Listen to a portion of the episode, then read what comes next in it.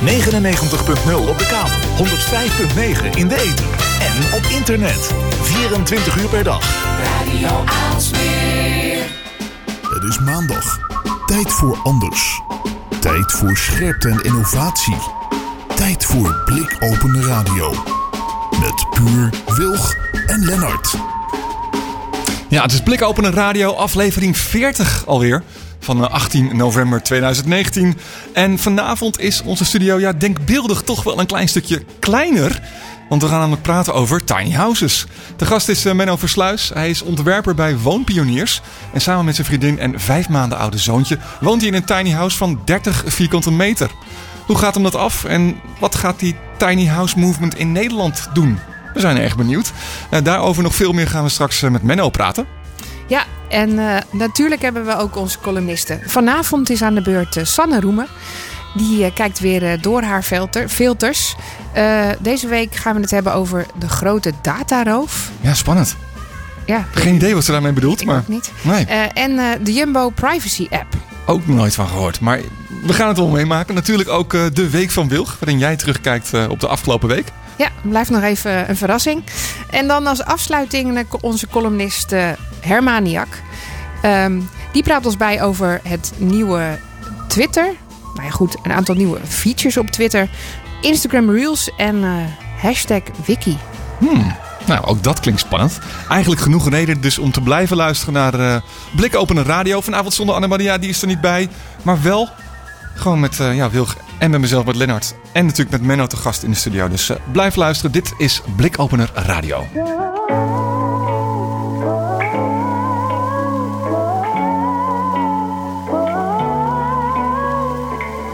Thought I'd never be waking on the kitchen floor. But here I lie, not the first time. Now my morning has broken, and it brings the fear. My mind's falling.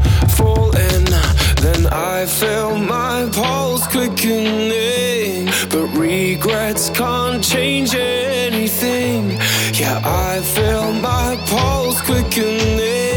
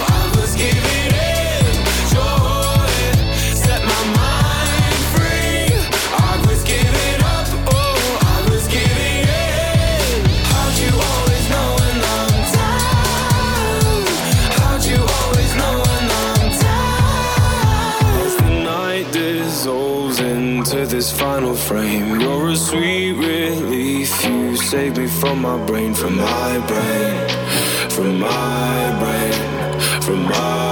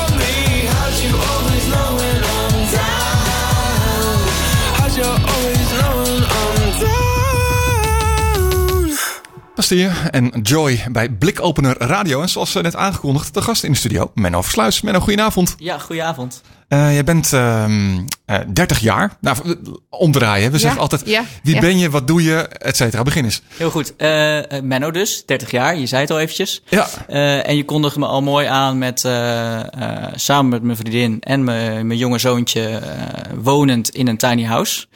Eh, en daarvoor eh, hebben jullie me eigenlijk ook uitgenodigd. Eh, Ja. Om daar iets meer over te vertellen eigenlijk. ja Eh, absoluut. Voordat je daar nou meer over vertelt, wat, wat, eh, wat doe je voor de Dirty Money? Eh, ik ben eh interieurvormgever. eh, en ik werk bij een architectenbureau genaamd Woonpioniers. Waarin we eigenlijk allerlei eh, nieuwe vormen van wonen. En vooral ook ecologisch wonen eh, ontdekken. En, en samen met, met particuliere klanten ook, eh, ook ontwerpen.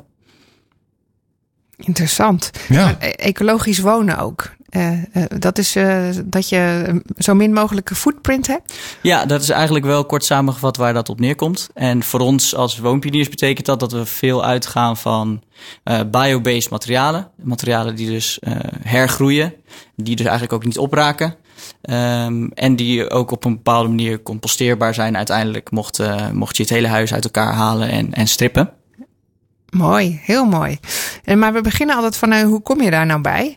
Eh, toen jij eh, eh, vijf was of tien, wanneer bedenk je wat je wil worden? Ja. Wilde je toen ook eh Brandweerman of toch niet? Nee, niet echt. Nee. balletdanseres worden? Of, Nee, nee eigenlijk als ik, als ik terugkijk op mijn jeugd, eh, is, is vanaf basisschoolleeftijd, groep 7, is, ehm, is eigenlijk al geweest. Is eigenlijk al geweest dat ik bezig was met, eh, met ontwerpen, 3D, schetsjes maken. eh, en dat kon dan van alles zijn.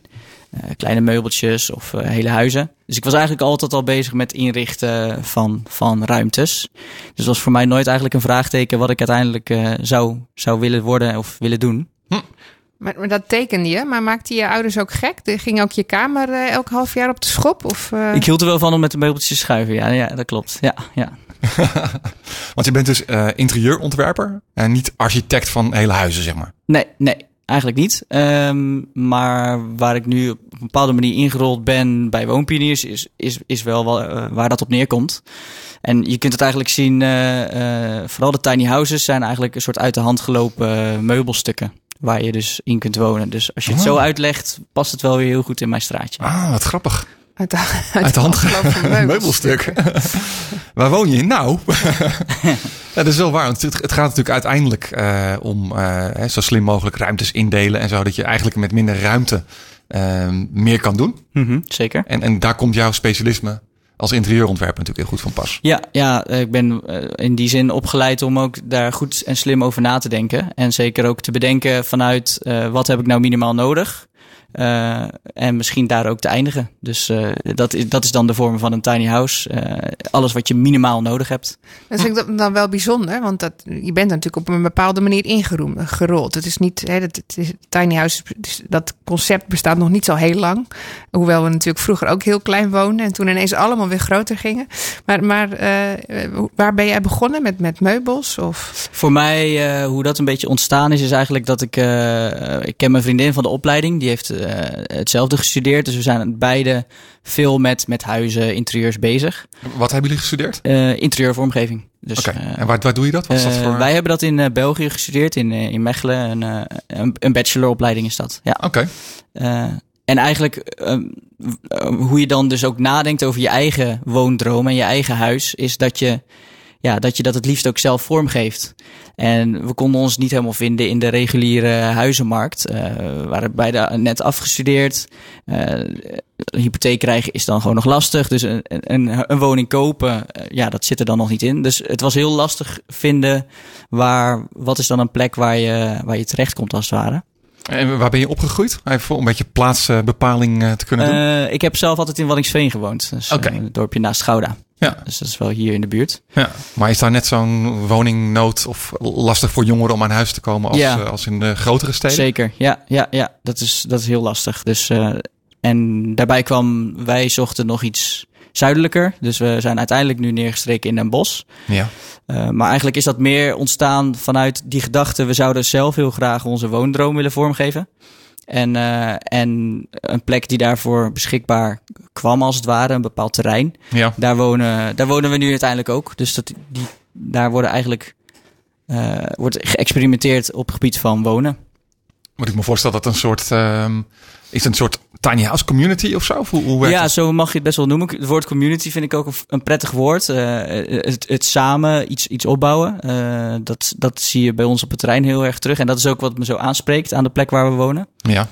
Ehm, maar wat, wat Maar het het eigenlijk... kan ook een beetje als een woonwagenkamp klinken. Even heel uh, gechargeerd gezegd, ja, toch? Ja, zo zou je het ook eh, kunnen omschrijven. Ehm, maar eigenlijk proberen wij juist heel veel in te brengen in, in de gemeenschap, in de buurt, eh, alles om ons heen. Waarin een woonwagenkamp eigenlijk vaak heel gesloten, gesloten is. Ja. En daarbij komt nog het, het duurzame aspect dat wij ook zoveel mogelijk proberen op te lossen door zelfvoorzienend te zijn. Dat is een beetje de gedachte die ook bij de tiny houses veel speelt.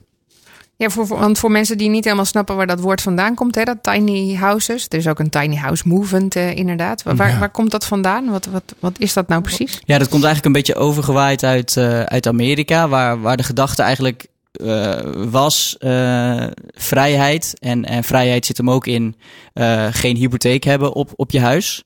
Eh, en de- dus iets creëren zonder lening. eh, en daarmee de vrijheid te hebben om te kunnen vertrekken als een bepaalde plek je niet meer bevalt. Of je ergens anders een bepaalde baan krijgt. Want eigenlijk is het zo dat als je natuurlijk een huis wil kopen, dat is zo duur.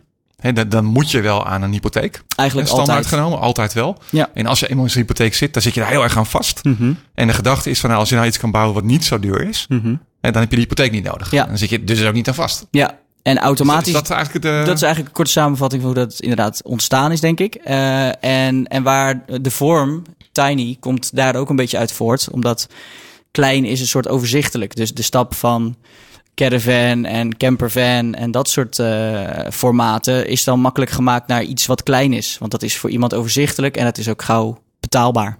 Maar wil dat zeggen dat een tiny house altijd mobiel is? Of kan het ook een tijdelijk eh, iets zijn? Ja, dat is eigenlijk maar net de invulling die je zelf eh, aan het woord geeft. Er is niet een heel afgekaderd eh, definitie wat mij betreft. Want ook voor Tiny kun je natuurlijk ook aan verschillende formaten denken.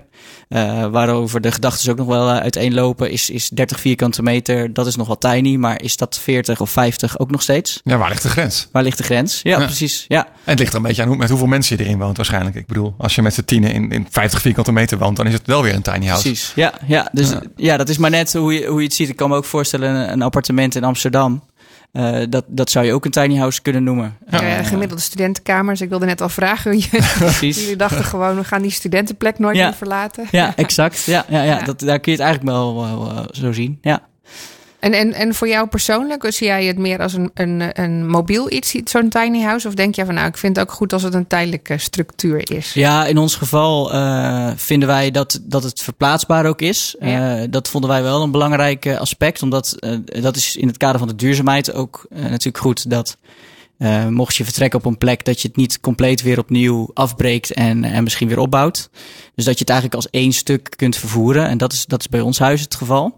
Dus die wordt eigenlijk gewoon opgetild en eh, met een dieplader naar de volgende plek eh, vervoerd. Ehm, en ja, wat we meer zien bij ons op het terrein, want er staan hele diverse huisjes, die ook allemaal per se niet 30 vierkante meter zijn, maar ook een stuk groter. eh, is dat iedereen hem wel heeft ingestoken als zijnde ofwel eh gerecyclede materialen, waardoor de kostprijs laag is, ofwel veel elementen die ze wel prefab kunnen, ja, kunnen opbouwen als het ware en dan weer, en weer mee kunnen nemen. Dus hij, zo heeft iedereen een beetje zijn eigen gedachten bij eh, tijdelijk, want dat is het wel altijd. eh, op, in ieder geval op het terrein waar wij wonen. Eh, dat, is, dat is voor maximaal vijf jaar. Ja. Is het ook zo dat gemeenten daardoor zoiets hebben van... oké, maar ik heb, hè, we weten dat er eh, hier voorlopig niks gebouwd gaat worden. Eh, laten we daar eens een experiment mee doen. Is dat hoe dat gaat? Dat is hoe het is gegaan. Ja, ja, en gemeente Den Bosch is daar best wel vooruitstrevend in geweest. Die hebben best meegedacht over planvorming en eh, ja, hoe we daar dus eh, opschaalbaar meerdere, meerdere woonvormen kunnen testen eigenlijk ook. Ja. Er is ook een woningbouwcorporatie eigenlijk bij betrokken die, die ook echt di- dit project heeft ingestoken van laten we eens kijken of we andere soorten van woningen kunnen, kunnen toetsen, kunnen testen. Eh, waar we een soort woningnood kunnen, ja, misschien kunnen, kunnen oplossen als het ware. Ja, want dat vroeg ik me natuurlijk af. Want ik zie dat heel veel in Amerika voor, voorbij komen. Ik zie ook al, al die series. Dus ik ben Ja, heel enthousiast. ja. En dan denk ik, nou, dan ga ik Dat- eens zoeken. Ja. Maar eh, in Nederland is het sowieso lastig überhaupt al om een kavel te vinden waar je eigen huis op zou kunnen bij- Mhm. bouwen. hè. Dus heel veel regulering ook. Eh, laat staan, kan ik me voorstellen. Ja om, om een plekje waar je, waar je mag staan tijdelijk. Gewoon maar. Met een, met een, met een, een, tijdelijke wagen of, of structuur. Of, eh, Zeker, ja. Ja, dat is ook vaak wel waar mensen die, die de droom eh, eh, klein te wonen hebben tegenaan lopen. Dat, dat plekken zijn nog, zijn nog lastig. Maar je hoort inmiddels bijna vanuit elke gemeente wel... eh, we willen wel iets met tiny houses, maar we weten niet goed wat we daarmee moeten. Dus er, er ontstaat wel een bepaalde ja, kruisverstuiving van... daar wordt het al gedaan en, en, en het kan er best heel goed uitzien. Hm. Eh, Dat is de- natuurlijk die vak als architect dan weer. Precies, Dat je ja. zorgt dat het niet, eh, niet een bij elkaar geraapt zootje is, maar dat het ook gewoon strak is. Ja, ja. Is grappig. Dus in die zin is dat ook wel eh, waar we zeker ook met woonpioniers naartoe groeien, is dat stukje community en, en mensen bij elkaar brengen met een bepaalde, bepaalde gedachte over wonen. En dat eigenlijk vorm te geven, zodat Hm. er dus eigenlijk een compleet plaatje, plaatje ligt eigenlijk voor. Zodat eh, je dan daarmee naar een gemeente kan gaan en kan Ja, zeggen van kijk, dit, Ja. dit zouden we kunnen doen. Het Ja. ziet er fantastisch uit. Ja. Eh, je hebt zoveel mensen aan een huis. precies, ja. Ja, want wat kun je dat ook zeggen? Van die, luisteren misschien wel gemeentes, hè? gemeente Asmeer bijvoorbeeld. Er is ook Eh, een klein woningprobleem voor jongeren. Dus Daarom, eh, eh, nou ja, goed, als je als gemeente innovatief wil zijn op dat gebied, wat, lever, wat kan het je nou opleveren? Wat, wat, wat helpt het je dan? Eh, als ik naar onszelf kijk, wat wij inbrengen in, in de omgeving, is dat je eigenlijk, en dat is vooral omdat het terrein eh, eh, daarvoor gewoon niet gebruikt wordt en braak ligt, is dat je heel nieuw leven brengt in een bepaald, in een bepaald gebied. Ehm, je lost daar niet alleen een aantal problemen voor een aantal mensen op, ehm, maar daarbij breng je ook gewoon iets in sociaal gezien. Eh, een soort samenhorigheid, maar ook, ook zeker voor de buurt. eh, ja, een soort eh, nieuw leven als het ware. nieuw elan. Ja, Ja, wat grappig. Ja. Ja, en inderdaad, dan dus dat het heel betaalbaar wordt voor. want waar praten we? Hoe, hoe, hoe, ehm, als er nou mensen luisteren, denken, nou, dat wil ik ook wel. Hè, je weet ongeveer wat een normaal huis kost, maar hoe, hoe zit dat met tiny houses? ja, je moet een beetje denken. En dat in de tiny house wereld zijn er veel mensen die ook zelf handig zijn en zelf bouwen. Eh, als je dat een beetje kan, ja, dan kun je al gauw vanaf 50.000 euro zelf wel een, eh, een huisje bouwen van zo'n 30 vierkante meter.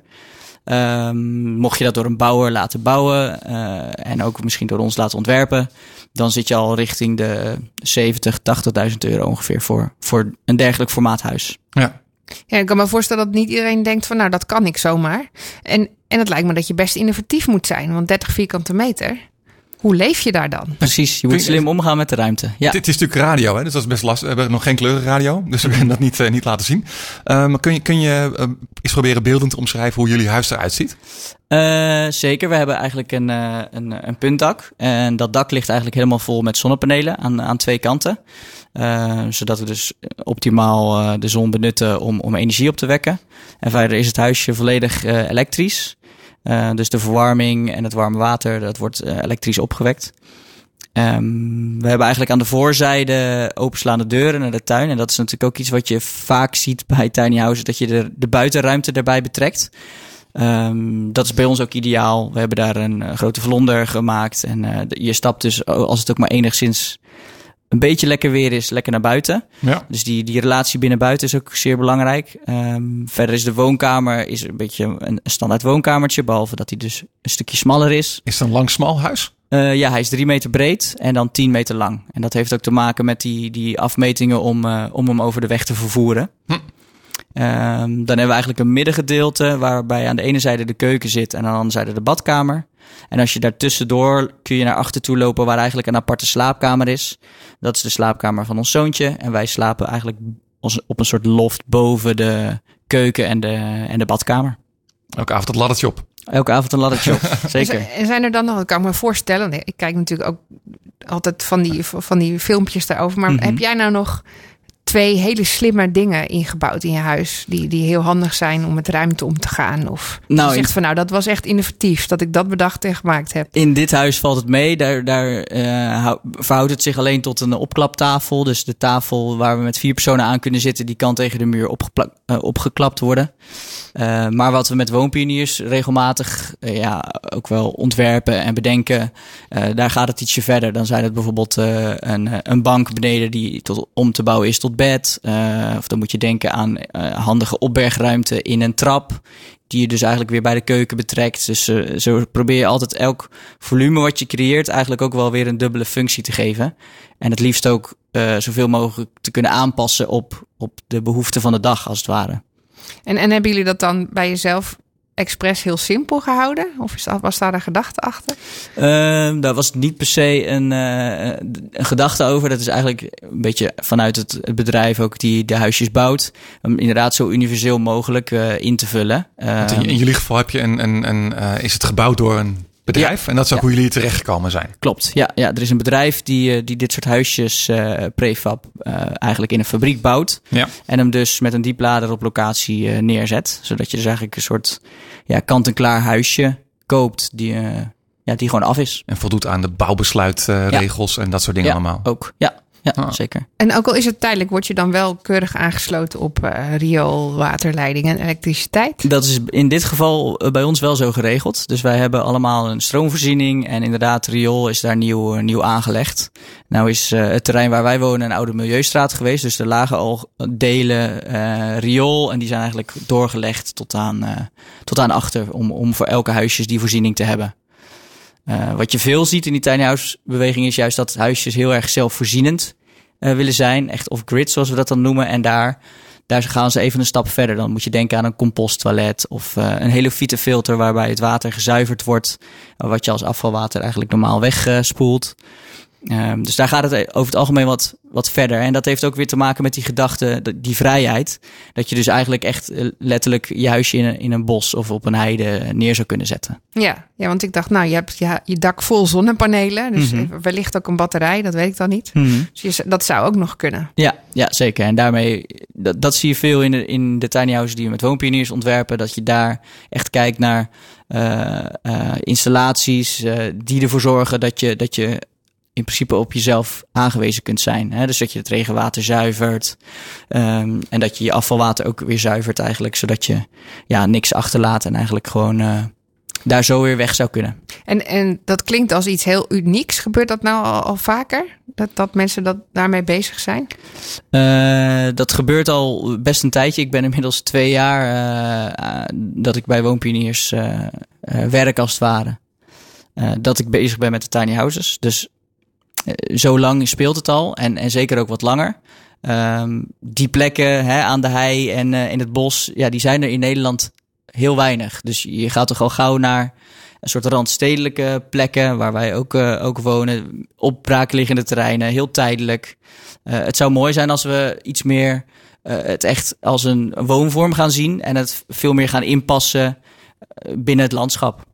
Dus voor permanenter als echt een alternatief op, op de woning, woningbouw die er nu al is, eigenlijk. Je ziet in Almere bijvoorbeeld uh, uh, dat daar een enorme wijk is zo, met allemaal dit soort uh, Zeker, ja. huizen. Of is dat puur zelfbouw of is dat ook echt, echt gericht op tiny houses? Van alles wat. Er staat eigenlijk van alles wat. In Almere hebben we ook twee woningen neergezet ja. met woonpioniers. En daar, ja, daar, daar wordt eigenlijk van alles wel, wel bedacht, maar altijd met een wel ecologisch karakter. En het heet, hoe heet die wijk ook alweer? Oosterwold. Oosterwold, ja. ja. Dat is echt heel ja. groot. Ja. En, en ook wel bizar dat, wat ik meegekregen heb, is dat de prijzen daar ook van grond echt bizar omhoog gegaan zijn in een paar Klopt, jaar. Ja, ja, ja dat, dat is gigantisch. Ge... Dat is eigenlijk weer een beetje haak staat op de gedachte ja. van eh, dat je goedkoop moet kunnen bouwen. Dat is ja. vreemd. Ja, ja, nou, precies. Dat, dat, vroeg ik me ook af, hè, want de gemiddelde kavel is nu, uh, uh, want ik kijk je om je heen, de gemiddelde mm -hmm. kavels worden steeds groter, want mensen gaan ervan uit als je dan zelf wil bouwen, dan, dan wil je ook een kast van een huis bouwen. Dus ik zie kavels ergens tussen de 500 en de 1000 vierkante meter voorbij komen. Maar eigenlijk heb je dat helemaal niet nodig voor zo'n tiny huis. Behalve als je ook een boomgaard wil, Mhm. beginnen. Mm -hmm. Of uitzicht of, Of ruimte uitzicht, hebben. Ja. of daar Ja. met z'n vijf op wil wonen. Ja. Maar daar is, daar is dat nog helemaal niet op ingericht. Dus wat, wat zouden die gemeentes dan anders moeten doen in een, in een denkwijze? Wat zouden ze juist aan moeten bieden voor, voor zo'n ja, community of, of een plek voor tiny houses. Ze moeten het dan inderdaad ook meer gaan zien als een community, denk ik. En dat uh, een dergelijke kavel, zoals je die omschrijft, dat die ook ingezet kan worden. Uh, niet alleen om één huishouden te voorzien uh, van een plek, maar juist meerdere huishoudens. En juist ook in die collectiviteit zit een bepaalde kracht. Hè. dat maakt het betaalbaarder voor mensen, omdat ze kunnen bepaalde faciliteiten wellicht delen. Ehm, waar in de tiny house veel dingen ook nog per persoon en heel eigen worden opgelost. Hè. Iedereen heeft zijn dak vol liggen met zonnepanelen. Zou je dat, zodra je dat collectief gaat insteken, veel praktischer kunnen inrichten. Dan kun je gezamenlijk uh, je water zuiveren, gezamenlijk je regenwater opvangen. Ja. Uh, wellicht kun je dan ook uh, gezamenlijk zonnepanelen aankopen, als het ware, als een soort investering voor, voor de toekomst. Dus dan komt het weer minder op, op het individu, maar veel meer om, op het collectief uh, uh, gericht. Ja. En dat is waar mijn idee wel de toekomst uh, ligt. Zijn er al gemeentes die dat doen, die, daarnaar, die daar op die manier naar kijken? zo is wel de gemeente Den Helder is ook bezig geweest met een bepaald gebied waar veel betonflats stonden. een gedeelte in te richten voor tiny houses. Maar ook daar is eigenlijk wel heel duidelijk afgekaderd uh, ja, wie welk kaveltje krijgt. Maar daar is wel gekeken naar uh, de vorm. Uh, klein, dus ook maximaal, ik geloof 35 vierkante meter. En, en dus ook daar een soort plek gecreëerd, wel voor zelfbouwers, kleine huisjes. En ook zeker ge, gezien de, de, de installaties op een stukje off-grid als het ware. Dus daar, daar zuiveren ze ook veel meer hun eigen water dan dat dat in wellicht normale nieuwbouwwijken gebeurt. Zou het wat zijn als je uiteindelijk uh, in wijken zeg maar hele straten krijgt, ja, waar gewoon uh, niet uh, rijkjeshuizen staan, maar gewoon tiny houses naast elkaar en gewoon dezelfde? Is, is, is er iets van volumebouw? Wat, wat daar, spreekt dat mensen dan aan of juist niet? Uh, dat is er wel, denk ik. Um, er zijn wel uh, spelers in de markt, zeg maar, die zich daarop richten. Ja. Um, het gevaar daarvan is dat het, dat het toch al gauw een soort blokje stapelen wordt. En dat die eigenheid van, uh, van juist het ontwerpen van je eigen huisje, wat zo belangrijk is voor de mensen die zo willen wonen. Ja, maar misschien dat onafhankelijke van, van dat mobiele. Van nou, snap ik, maar als je, als je kijkt naar jongerenhuisvesting, hè, die hebben misschien helemaal niet per se allemaal de drang dat ze het helemaal zelf willen ontwerpen. Maar die nee. hebben zoiets van, nou, doe maar zo'n huisje. Het kost me 80.000 euro. Dan kan ik, uh, hè, dat is een goedkopere hypotheek dan wat ik normaal zou moeten doen. Hè. Dat is, uh, dat is uh, makkelijker op te brengen. Mm -hmm. En nou, ik vind het prima. Ja, ja, dat is inderdaad een bepaalde markt die daar wel in geïnteresseerd is, denk ik. Ja, hm. ja. Grappig zeg. Nee, nou um, draait het in het huis bij jou natuurlijk allemaal om, om zo efficiënt mogelijk gebruik maken van ruimte en dergelijke. Mm -hmm. um, als je naar je, vertaalt het ook zeg maar zeg, naar jouw uh, persoonlijkheid of hoe je jezelf bent? Heb je rituelen op dat vlak?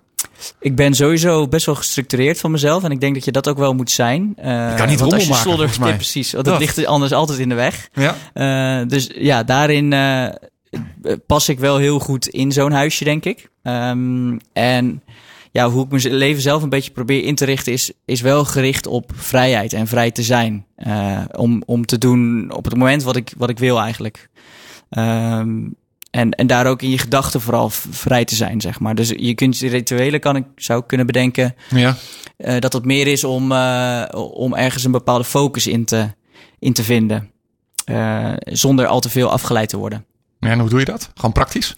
Uh, bijvoorbeeld gewoon uh, de, de notificaties op je telefoon uitzetten. Uh, niet de hele dag elke pling van je mail te, te zien verschijnen, maar dat, dat één, één moment op de dag bijvoorbeeld te checken. Uh, boodschappen één keer in de week te doen in plaats van elke avond weer thuis te komen en te moeten denken wat je dan weer gaat eten. Is je koelkast dan wel groot genoeg? Die is zeker groot genoeg. Ja, ja, ja. ja. ja en de vriezer ook. Ja, ja, ja. dat vroeg me ook af. Uh, hoe werkt dat dan als je twee uh, sportende tieners hebt of zo? Hè? Met die koelkast en, uh, en al die rommel die ze dan achterlaat. Ja, wellicht dat het dan even een uitdaging wordt. Ja, ja. ja, Want dan heb je nog meer eten nodig. Worden er hier en daar dingen op de grond gegooid. Mm -hmm. Heb je van die sporttassen van uh, shirts die dan gewassen moeten worden. Precies, ja. Dus dat, uh, dat kan een uitdaging zijn. Dat kan ik. zeker een uitdaging zijn. Ja, ja. Want, want jij, jij woont er nu uh, met je uh, vijf maanden oude zoontje. Mm -hmm. Dat werkt nog? Dat werkt nog. Veel was, dat wel. Wat je, wat je zegt over de sporttassen. Wij hebben met een zoontje van vijf maanden ook veel, veel te wassen. Maar bijvoorbeeld zo'n wasmachine hebben we dus in een gezamenlijke eh, wasruimte staan. Dus dat, dat lossen we al niet binnen ons huisje op, maar eigenlijk juist daarbuiten. Dus dat is gedeeld met degene die ook op dat terrein Ja. zitten. Ja. En zo, zo zijn er natuurlijk veel meer dingen te bedenken wat je zou kunnen delen eh, met anderen. Eh, ja. waardoor je dat niet allemaal per se zelf hoeft op te lossen binnen die, binnen die 30 vierkante meter of binnen die, die eigen muren, zeg maar. Nee, op zich is het natuurlijk een logische ontwikkeling. Want ik, in de stad gaan we ook steeds kleiner. Ik denk niet dat er in Amsterdam nog een, een huis te vinden is, maar alleen maar mini-appartementen. Daar Mhm. gaan we natuurlijk ook steeds meer. eh Mhm. Nou ja, wasserettes waren er al heel lang, want die passen al niet meer op die eh, steeds kleiner wordende appartementjes. Dus het is logisch dat dat dan ook gebeurt in daaromheen. Van Mhm. kunnen we daar ook. eh, kunnen we ze ook tijdelijk laten zijn? Kunnen we ze laten bewegen? Of juist van het grid af laat- laten zijn? Ik vind, het, ik vind het een hele mooie movement. Ja, absoluut. Hey, als mensen nou luisteren en denken van... oh, maar daar wil ik ehm, zelf ook eens mee in de slag... of ik wil inspiratie opdoen. Waar kunnen ze terecht? Heb je ideeën? Tips? Eh, In ieder geval op onze website, eh Ja. woonpioniers.nl. Ja. Eh, daar daar is, zijn heel veel projecten te zien die je wellicht kunnen inspireren. Zeker een aanrader, ja. Ja. En verder zijn er ja, verschillende series ook te kijken over, over, over, over bouwen eigenlijk. Eh, en ik zou ook zeggen, ki- kijk lekker op Pinterest, want eh, dat staat vol met, eh, met leuke ideeën over, over klein wonen. Grappig. Ja, en ik zei net al even, YouTube. Heb je echt een aantal kanalen die, eh, die daar vol mee staan? Ja, op, eh, op Netflix ook. Op Netflix is de BBC-serie eh, How to Live Without a Mortgage. Er zijn een aantal eh, tiny house eh, movements uit de US op Netflix. Hm.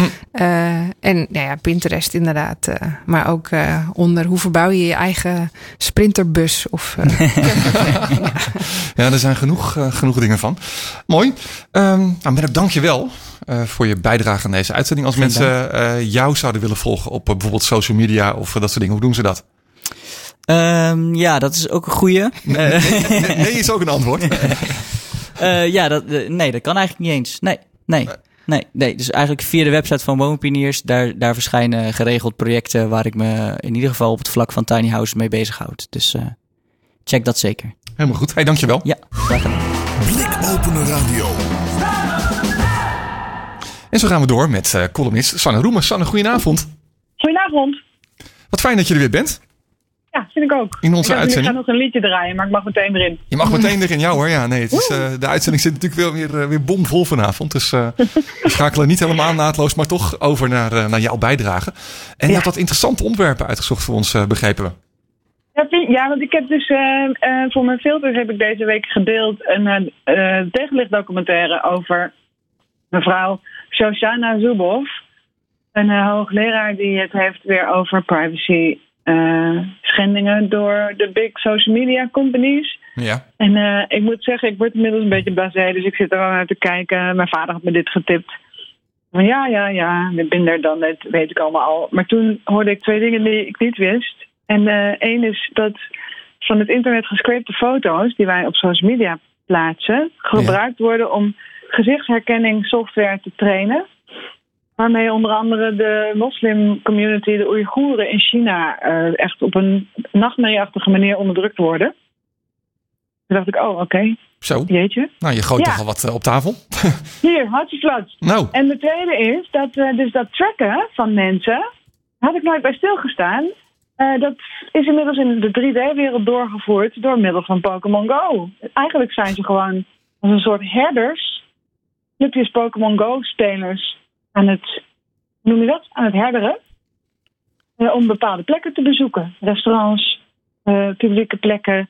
Dus het is een soort 3D-reclame kruimelspoor wat ze lopen te klein duimpje met, met een spelletje.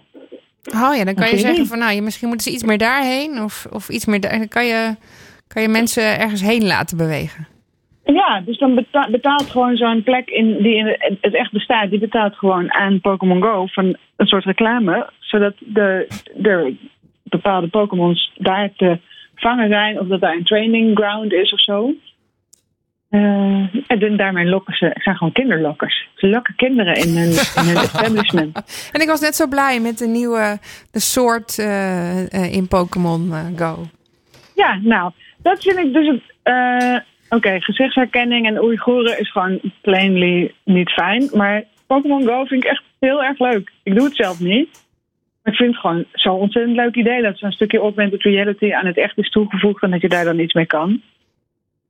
Dan Ja. blijkt het ook alweer evil te zijn. Dat bla- Ja. ja, dat is bijna eng aan het worden. Is, al- is alles online evil, is nu de vraag. Ja, en dan word ik ineens zo'n zeiksnor die zegt... nou, we mogen ook helemaal niks meer tegenwoordig. Maar ja, Ja. ik vind dat dus wel. Ik vind wel dat we echt eh, alert moeten zijn op dit soort dingen. Want ehm, er is niemand die ons echt beschermt. Er zijn, het is gewoon allemaal nog heel erg cowboyland. Nog steeds, hè, eigenlijk. Ja, toch elke keer weer een beetje confronterend om te ontdekken.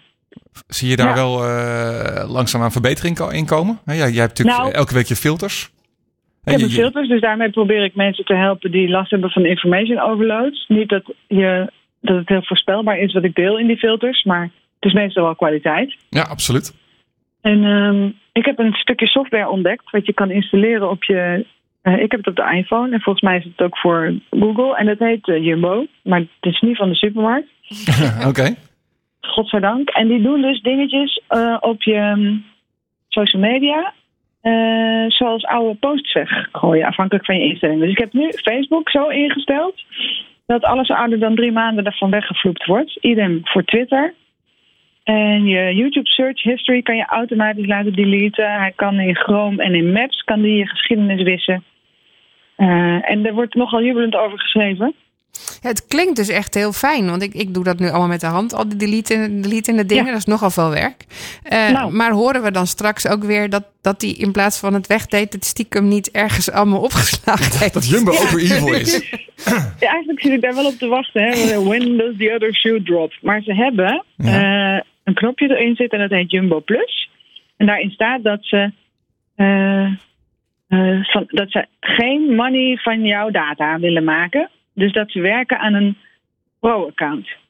En eh, dat is dus nog niet beschikbaar, maar ze doen met een Learn More knop dat, dat je kan een enquête invullen van waar heb je eventueel behoefte aan. Bijvoorbeeld wil je meerdere Twitter-accounts kunnen managen of wil je ook je LinkedIn kunnen managen hierin. Ah, en ik dus- denk dat dat dan mogelijk plusfunctionaliteiten worden. En ik heb zoiets van doe mij een donatieknop. Ja. Want als dit spul echt gewoon integer is, dan is het voor mij echt goud waard. Dat zeker. En even voor, eh, voor mensen die dat niet helemaal eh, ehm, gelijk snappen. Waarom zou je zeg maar, je oude social media posts willen verwijderen? Ja, nou enerzijds ben je dus... eh, wat Sociana goed uitlegt is dat die sporen die je achterlaat van data over de jaren heen... en dat is inmiddels bij mij bijna 14 jaar... eh, die worden gewoon gebruikt door allerlei, eh, om allerlei artificial intelligence te trainen. Ja. En eh, dat is dus gewoon een money-making machine voor de big corpo's. En soms wordt het dus ten slechte gebruikt, bijvoorbeeld in China. Maar B, waar ik soms wel eens een beetje last van heb, is social drag. Dat, dat is dus dat je ooit jezelf hebt geprofileerd als Pietje Puk, zeg maar. Eh, en, en inmiddels ben je doorontwikkeld en je doet andere dingen. Maar dan blijft het aan je hangen, omdat het altijd maar weer terug te vinden is. Mm. Dus ik heb heel lang te boek gestaan als een live hacker en iemand die dus eh, met eh, online tools slim samenwerken trainde. Ja. En dat vind ik nog steeds vet cool, maar dat is niet met mijn werk. Dus Nee. daar moeten mensen me nou niet meer mee lastigvallen. Ook niet, moeten ze gewoon ook niet denken van, oh Sandy kan wel even een weekendje voor ons bouwen. Want het is ook allemaal een stuk ingewikkelder geworden en ik heb mijn kennis gewoon niet bijgehouden. Dus Nee. Want nu uh, faciliteer je co-creatie voor een betere wereld, toch? Ik, ik, Ja. krijg, nu- ik krijg nu eh, goed, eh, goed nieuws over Jumbo door.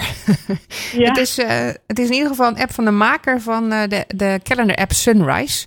Eh, Ja. Dat was een hele goede eh, integere app. Is, die is inmiddels verkocht eh, aan Microsoft. ik weet niet of dat nou weer goed nieuws was. Nou, dan heeft hij daar het geld die- mee binnengekregen om maar deze die, app te kunnen de- maken. die makers zijn dus nu deze app gaan maken. Ah, oké. Ja, Nou. dus wie weet is het dus- toch goed nieuws, eh, Sanne? Als ook uiteindelijk, enigszins trustworthy over. als we uiteindelijk dan maar niet ook weer een Jumbo aan Microsoft verkopen, mag Nou, dat? ja, ik begin bijna liever te hebben dat ze het aan Microsoft verkopen dan aan Google. Ja, raar is dat, hè? Een soort, Ja, wisselende, wisselende sentiment. Dat, je, dat had je twee jaar geleden ook niet gezegd. Nee, zeker niet. En daar wil je ook zeker niet aan herinnerd worden. En daarom wil je al die oude posts wissen. Nou, snap Ja. Cirkeltjes weer rond. Nou, dat. dat is mooi. Dank je, Sanne. Als eh, mensen jouw filters eh, ook willen volgen, wat ze zeker moeten doen, hoe doen ze dat? Ja, ik zag onlangs een hele leuke nieuwe abonnee. Filters.sanneroemen.nl Helemaal goed. Hey Sanne, dank je wel. Jullie ook. Tot gauw. Tot gauw, hè. En ehm, we gaan dan weer door met De week van Wil. de Week van Wilg. Ja, Ja. precies. Wat viel jou op? Nou ja, ik probeer natuurlijk elke week eh, positief te blijven. Eh, maar eh, Dat zeg je alsof het heel veel moeite kost. ja, ik, had, ik heb toch alweer een aantal dingen gevonden. Ik dacht dat ik net als Sanne dacht van... soms vraag je je wel eens af of het helemaal de goede kant op gaat. Ja. Eh, er was bijvoorbeeld nu weer een, een app. En dat heet eh Xixi Qianggo. Ik heb geen idee hoe je het uitspreekt. Het is een, Chi- een Chinese app. Verklaart een. Het is een Chinese app, maar zelfs nog van de Chinese Communistische Partij. Wauw. die- Maken die apps? Die maakt dus een app waarin ze eh, propagandavideo's laten zien. eh, overheidsnieuws kan je er lezen. Eh, nou, het gaat over de partijideologie van die communistische partij. Maar die is wel meer dan 100 miljoen keer gedownload. Want in China Waarschijnlijk ook heel vrijwillig. geheel vrijwillig. Want in Ja. China krijg je er waarschijnlijk ook punten voor. ja, voor je sociale credits. Ja? Dat je daar heel goed mee bezig bent. Oh, en dat je die filmpjes ook kijkt. Dat, Dat, is dan je dat een- ook kijkt Nee. waarschijnlijk. Maar goed, die, die, die mensen hebben allemaal heel keurig die app nou op hun telefoon gezet. En nu blijkt door een onderzoek van het Open Technology Fund... eh, eh, die wel een beetje in de gaten proberen te houden... of dingen nou wel de goede kant op gaan. Eh Sanne, dat gebeurt af en toe toch. Ja? En die hebben die app onderzocht en zocht. En nou bleek dat die app inbreekt op de apparaten van de gebruiker. En daar dus niet alleen kan, lezen, kan zien wat jij dus kijkt aan filmpjes, maar ook kan zien wat jij eh, vertelt aan anderen in eh, Messenger, in WhatsApp en in andere apps waar ze eigenlijk anders niet in zouden kunnen. Op Android-telefoons neem ik aan. De, eh, op Android-telefoons inderdaad. En eh, blijkt het toch eh, een app te zijn die iets meer bekijkt dan alleen maar of jij wel je aan de, eh, aan de ideologie houdt. Van je verwacht het niet van de, Chinese partij. overheid, maar Nee, en die, en die informatie wordt dagelijks naar servers doorgestuurd. Eh, en en daar, wat er daarmee gedaan wordt, is niet geheel duidelijk. Maar goed, eh, wel iets wat de Chinese overheid in de gaten houdt. En medewerkers eh, van, de, van de overheid zijn ook verplicht om die app te gebruiken. Dus die, zij zijn verplicht om die app ook te downloaden. Maar goed, Het, eh, ja, pff, jeetje. maar goed dus dit is natuurlijk China. Hè? Ja. Daar, daar leren we hoe het niet zou moeten. Is lastig. Eh, inmiddels proberen, proberen eh, consumenten onze grote eh, nou ja, data vastleggers een beetje onder druk te zetten. Zo hebben we Facebook en Google en Twitter gevraagd: kunnen jullie niet wat meer cen- censuur opleggen? Facebook heeft ook gezegd van nou ja, misschien moeten we dan inderdaad geen politieke berichten meer toestaan. Want dat wordt een beetje een ja-nee verhaal. Misschien halen we die er gewoon helemaal af. Ja. Maar dat Wat levert- Twitter al gedaan heeft, hè? Ja, dat klopt. Maar dat levert ook wel weer grappige dingen op. Eh, want zo klaagde bijvoorbeeld eh, de burgemeester Abu Taleb, die een eh, biografie heeft laten schrijven, dat hij niet een reclame voor zijn boek op het, op het platform mag zetten. Want ja, dat zou ook best politiek kunnen zijn, Ja. want hij is burgemeester. Ja. Dus ja, het is toch lastig te controleren, omdat er natuurlijk zo verschrikkelijk veel landen, talen en, en werelddelen zijn dat je niet altijd weet van nou, wat is dan wel en wat is dan niet iets wat erop zou mogen. Ja. Nou, en over censuur gesproken zijn er ook manieren van censuur die eh, meer aan, eh, ja, wat, hoe noem je dat, meer cultuur zijn of meer eh, een standpunt innemen. Zo heeft Apple bijvoorbeeld gezegd, eh, nou ja, roken, maar dan helemaal iets als eh vapen, waar de laatste tijd eh, eh, ook wat eh, Ja. vervelende dingen over in het nieuws kwamen. Hè, van is dat eigenlijk wel zo goed of liet het je als niet, alsnog niet nog erger verslaafd zijn? Nou, bij dat elektronisch roken bleek ook een heleboel apps te horen. Die, eh, die ervoor zorgden dat je nog vaker dat ding ging pakken en dan inzicht kreeg in hoe je daarmee bezig was. Serieus? En toen heeft Apple gezegd van nou dat past helemaal niet bij ons bedrijf. Wij willen helemaal niet geassocieerd worden met zulke soort dingen. Eh, alle software apps die bij eh, e-sigaretten horen, mogen niet meer in onze App Store. Dus die zijn vanaf vorige week allemaal de App Store uitgeknikkerd. Wauw. En, en, en eh, apps om te stoppen met roken, dat is dan wel weer goed. Nou, dat waarschijnlijk wel. Maar alles wat bij die e-sigaretten horen, dat, dat, dat dus niet meer. Dus eh, nou vond ik het al raar dat er apps hoorden bij die apparaten. Ja, heb ik nooit over nagedacht. Nee, maar nu zijn er dus eh, eh, fabrikanten die een apparaat hebben ontwikkeld met een app die dus ne- nu niet meer aan iPhone Een gebruikt. soort highscore kan bijhouden hoeveel je er weggepast hebt of Nou zo. ja, misschien een streak dat je weer dat je Oh ja. minimaal vijf keer per dag dat ding hebt gepakt. Ik weet het niet. Eh, dat vond ik heel bijzonder. Het, het verslavende van, van eh, telefoongebruik eh, gebruiken eigenlijk om mensen nog verslaafder te maken aan dat eh, elektronische sigaretten roken. Zoiets. Ja. Jeetje, Ja. evil. Heel evil. Maar dus ik wilde toch even eindigen met een, eh, met een, eh, een, goed puntje, zeg maar. Ja. Eh, ik was eh, eh, vorige week uitgenodigd eh, op Odyssey. En dan denk je, wat is dat? Nou, dat, dat, dat klonk heel mooi. Wat is dat? Het was een epische reis eh, om eh, de toekomst te ontdekken door het echt te bouwen. Nou, dan denk je, wat gaan we daar nou doen? Eh, we waren uitgenodigd in de Ridderzaal in Den Haag. Eh, daar waar de, de troon staat. De, de tronen eigenlijk. En de troonrede ook gehouden wordt. Met een heleboel hele slimme mensen. Ik was daar een beetje overweldigd door het, het aantal slimme mensen. Professoren van, van Harvard, van MIT. over de hele wereld. Om eigenlijk te zeggen van, nou weet je... Wij kunnen de wereld wel beter maken door IT. Door eh, slimme technologie in te zetten. Eh, en het is, en dat, dat Odyssey is eigenlijk een, een, ehm, een initiatief waarbij we zeggen van nou laten we eens goed kijken naar de, naar de 17 eh, doelen van de Verenigde Naties.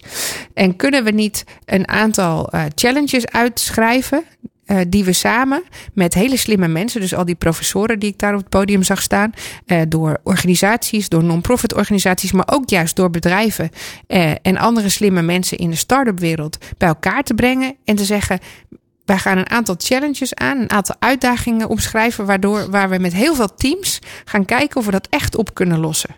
En er zaten dus hele interessante dingen bij. Oh, Eh, zoals? Ja, ik was, ik was dus echt helemaal onder de indruk van, van de hoeveelheid slimme mensen. Maar ook eh, eh, een professor die zei: de zee, de Ja. oceaan. We hebben nu een soort van recht om hem leeg te vissen. Eh, we vervuilen hem. En dat mag allemaal maar, want hij wordt niet, hij wordt niet gegoverned, zoals hij dat noemt. En er is, er is, het is niet een land. Hij is wel van, gedeeltelijk van mensen, maar hij is eigenlijk, hij is eigenlijk ja, er zijn geen regels op. Hoe, gaan, hoe moeten we daar nou mee omgaan? Maar wat als die oceaan nou een, een eh, soevereine staat was of element. Ja. Wat als die nou een, een, een eigen token zou hebben en we zouden daar anders mee om moeten gaan en we zouden daar, als we er dingen uithalen, ook weer iets in terug moeten stoppen. En het werd een soort ecosysteem waar wij, we aan de regels van die, van die oceaan zouden moeten voldoen als we daar iets mee wilden, als we daar mee willen interacteren. En, en hoe zouden we dat niet met, met blockchain of met alle andere, met slimme technologieën eh, ook op kunnen lossen? Dat we daar anders mee omgaan.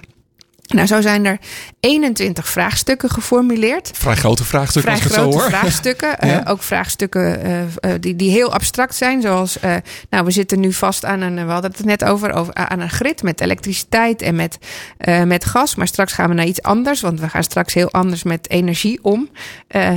Wat gebeurt er dan? Waar moeten we heen? Hoe gaan we daar dan mee om? En maar er, zijn, waren ook veel concretere. eh, zoals bijvoorbeeld, nou ja, we, hebben nu eh, eh, berichten van politie en brandweer. En, en als je 112 belt, komt dat allemaal bij elkaar. Maar wat als je daar dan ook informatie van al die mensen die, die WhatsApp-groepen aan elkaar hebben gekoppeld, die echt heel erg intrinsiek gemotiveerd zijn om elkaar te helpen, zodat je ook in de community zou kunnen tappen als er iets gebeurt. Zodat je ook de buurman kan inschakelen om een ladder bij een raam te zetten. Als, er, als de brandweer nog twintig minuten verder weg is. Hoe zou je daarmee om kunnen gaan? Dus het waren hele, hele mooie doelen eigenlijk. Eh, en eh, dat is een Europees eh, initiatief. waarvan, die net, waarvan de challenges eigenlijk in december gelanceerd zijn. Eh, je kunt kijken op odyssey.org. Eh, en ze zoeken nu nog meer slimme mensen. Want in maart gaan, gaat er ook daadwerkelijk een hackathon komen. eh, om met teams te gaan kijken hoe je daarmee om kunt gaan. Wauw, Ja, ik was heel erg onder de indruk. Ik vond het ook heel tof om erbij te mogen zijn. Ja? ja. dat is goed. Met eh, Prins Constantijn, die daar natuurlijk ook was. Net als bij jullie op de Web Summit. Oh nee, was hij dit jaar niet. Nee, Maar nee, dit want jaar- hij was bij dit jullie. jaar was bij ons, ja, dat klopt. Ja. Ja, eh, en dat- daar had ik een heel positief gevoel bij. Ik denk, ja, zie je wel, we kunnen toch best dingen oplossen door eh, eh, slim te zijn met technologie. Het is niet allemaal evil. Mooi. Nou, dat vind ik een mooie afsluiter van de week van Wilg. Blikopener Radio. En zo gaan we door met eh, ja, het toetje van de week, zoals hij altijd omschreven wordt. Eh, Herman, Herman Kouwberg, Hermaniak, goedenavond. Goedenavond. Hoe is het daar? Eh, nat, net zoals bij jullie waarschijnlijk. Ja, nat en koud. Nat en waterkoud. Nou. En, Ehm, en, en een lekker dakgaan, maar daar komen ze voor.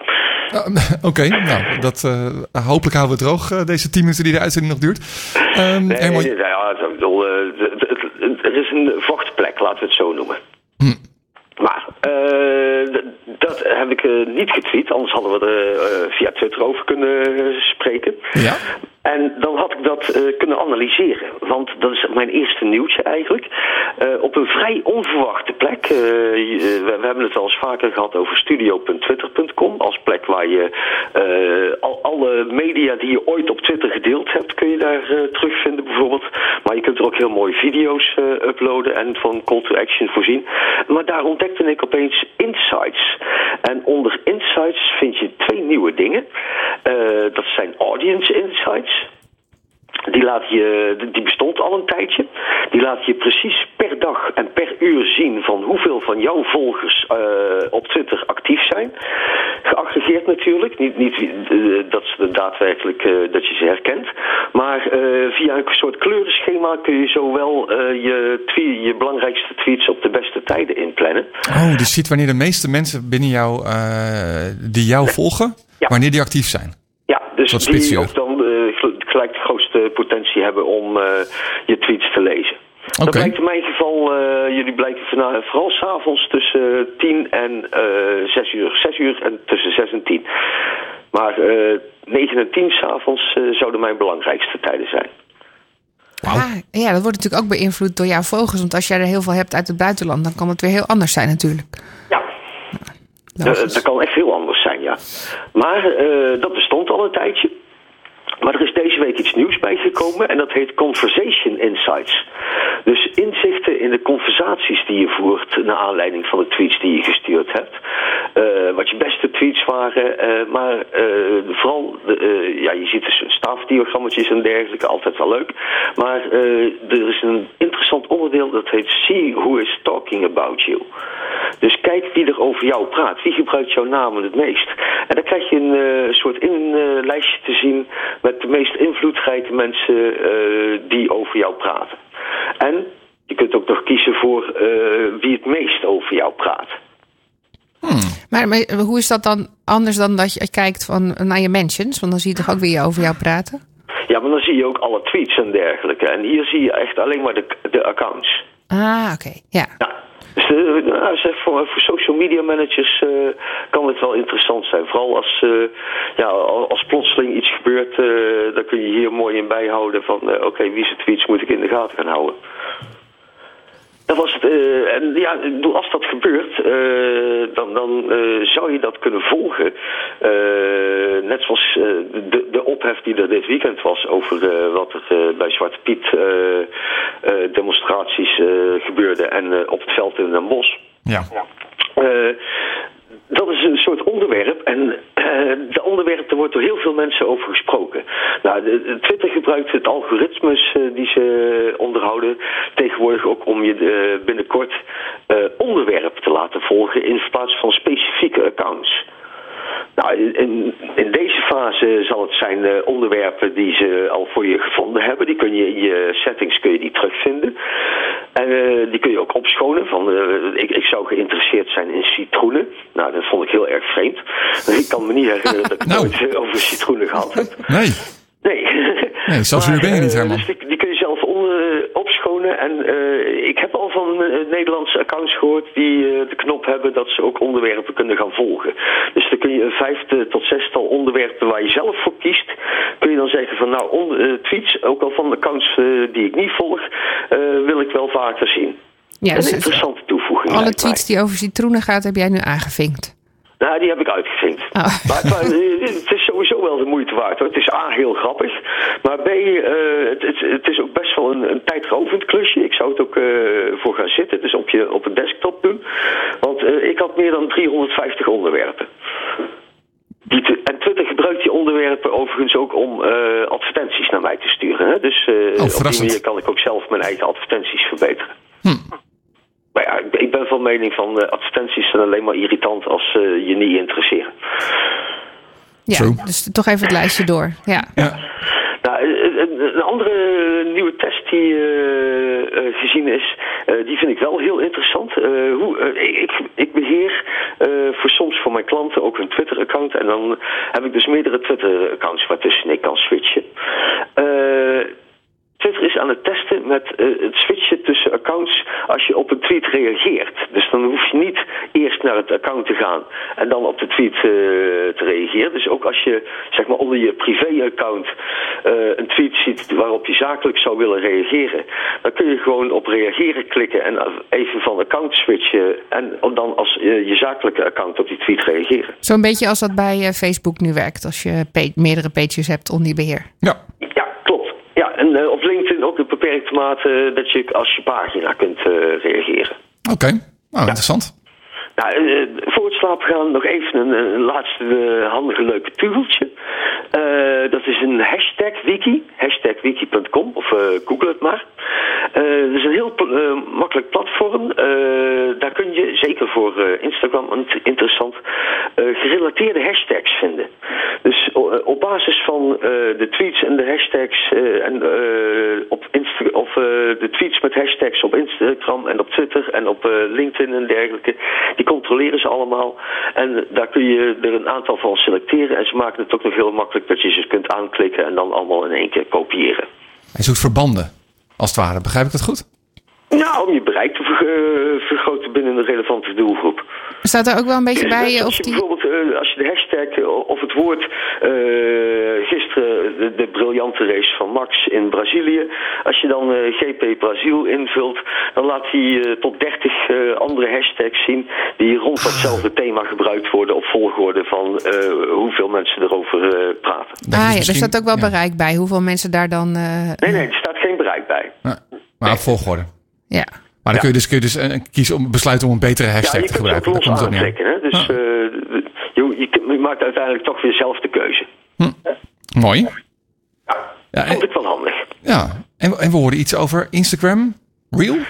Ja, Instagram Reel, ja, eh, daar hebben we nog net eh, tijd voor. Eh, Ja. We weten allemaal, als Facebook het niet kan kopen, dan kopieert hij het. Dat hebben Ja. ze met Snapchat gedaan. En zoals recent bekend werd, heeft Facebook ook overwogen om TikTok te kopen. Maar omdat het eh, van een Chinese eigenaar was, vonden ze dat toch iets te riskant. En eh, daarom zijn ze nu begonnen met eh, onderdelen van TikTok te kopiëren. Dus de edit-mogelijkheden en de videomogelijkheden van TikTok, die ga je heel snel en binnenkort terugzien in Instagram Reels. En dat wordt waarschijnlijk een onderdeel van Stories.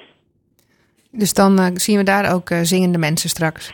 Ja, en eh, z- ja, ik- de leukste quote over Twi- TikTok die ik de laatste tijd eh, gelezen had, was eh, van een eh oké boomer eh, waarschijnlijk. Die, eh, de- daar- die zei van, oh TikTok is dat niet eh, dat platform waarvan ik de filmpjes op andere platformen zie. Ja. Dus het gebeurt al. Ja, Gebeurt eigenlijk al. Ja. Herman, dankjewel. Eh als mensen jou willen volgen, hoe doen ze dat? Als ze mij willen overtuigen om toch naar TikTok te gaan, Ed Hermaniak. Het Hermaniak op Twitter. Helemaal goed. Herman, dankjewel. Yo, Ehm, en daarmee komt er alweer een eind aan eh, deze aflevering van uh, Blik Open Radio.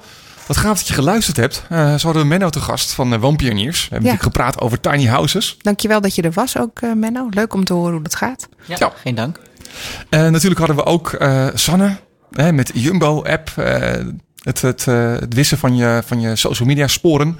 Yes. Eh, nou goed, ik had ook nog wat evil, maar gelukkig ook wat eh Ja, goede dingen. Odyssey, zoek het even op. En als toetje Hermaniak. Ja, en volgende week in Blik Opener gaan we het hebben over e-sports. Dus luister ook dan weer en vergeet je niet te abonneren op de podcast via blikopener.radio.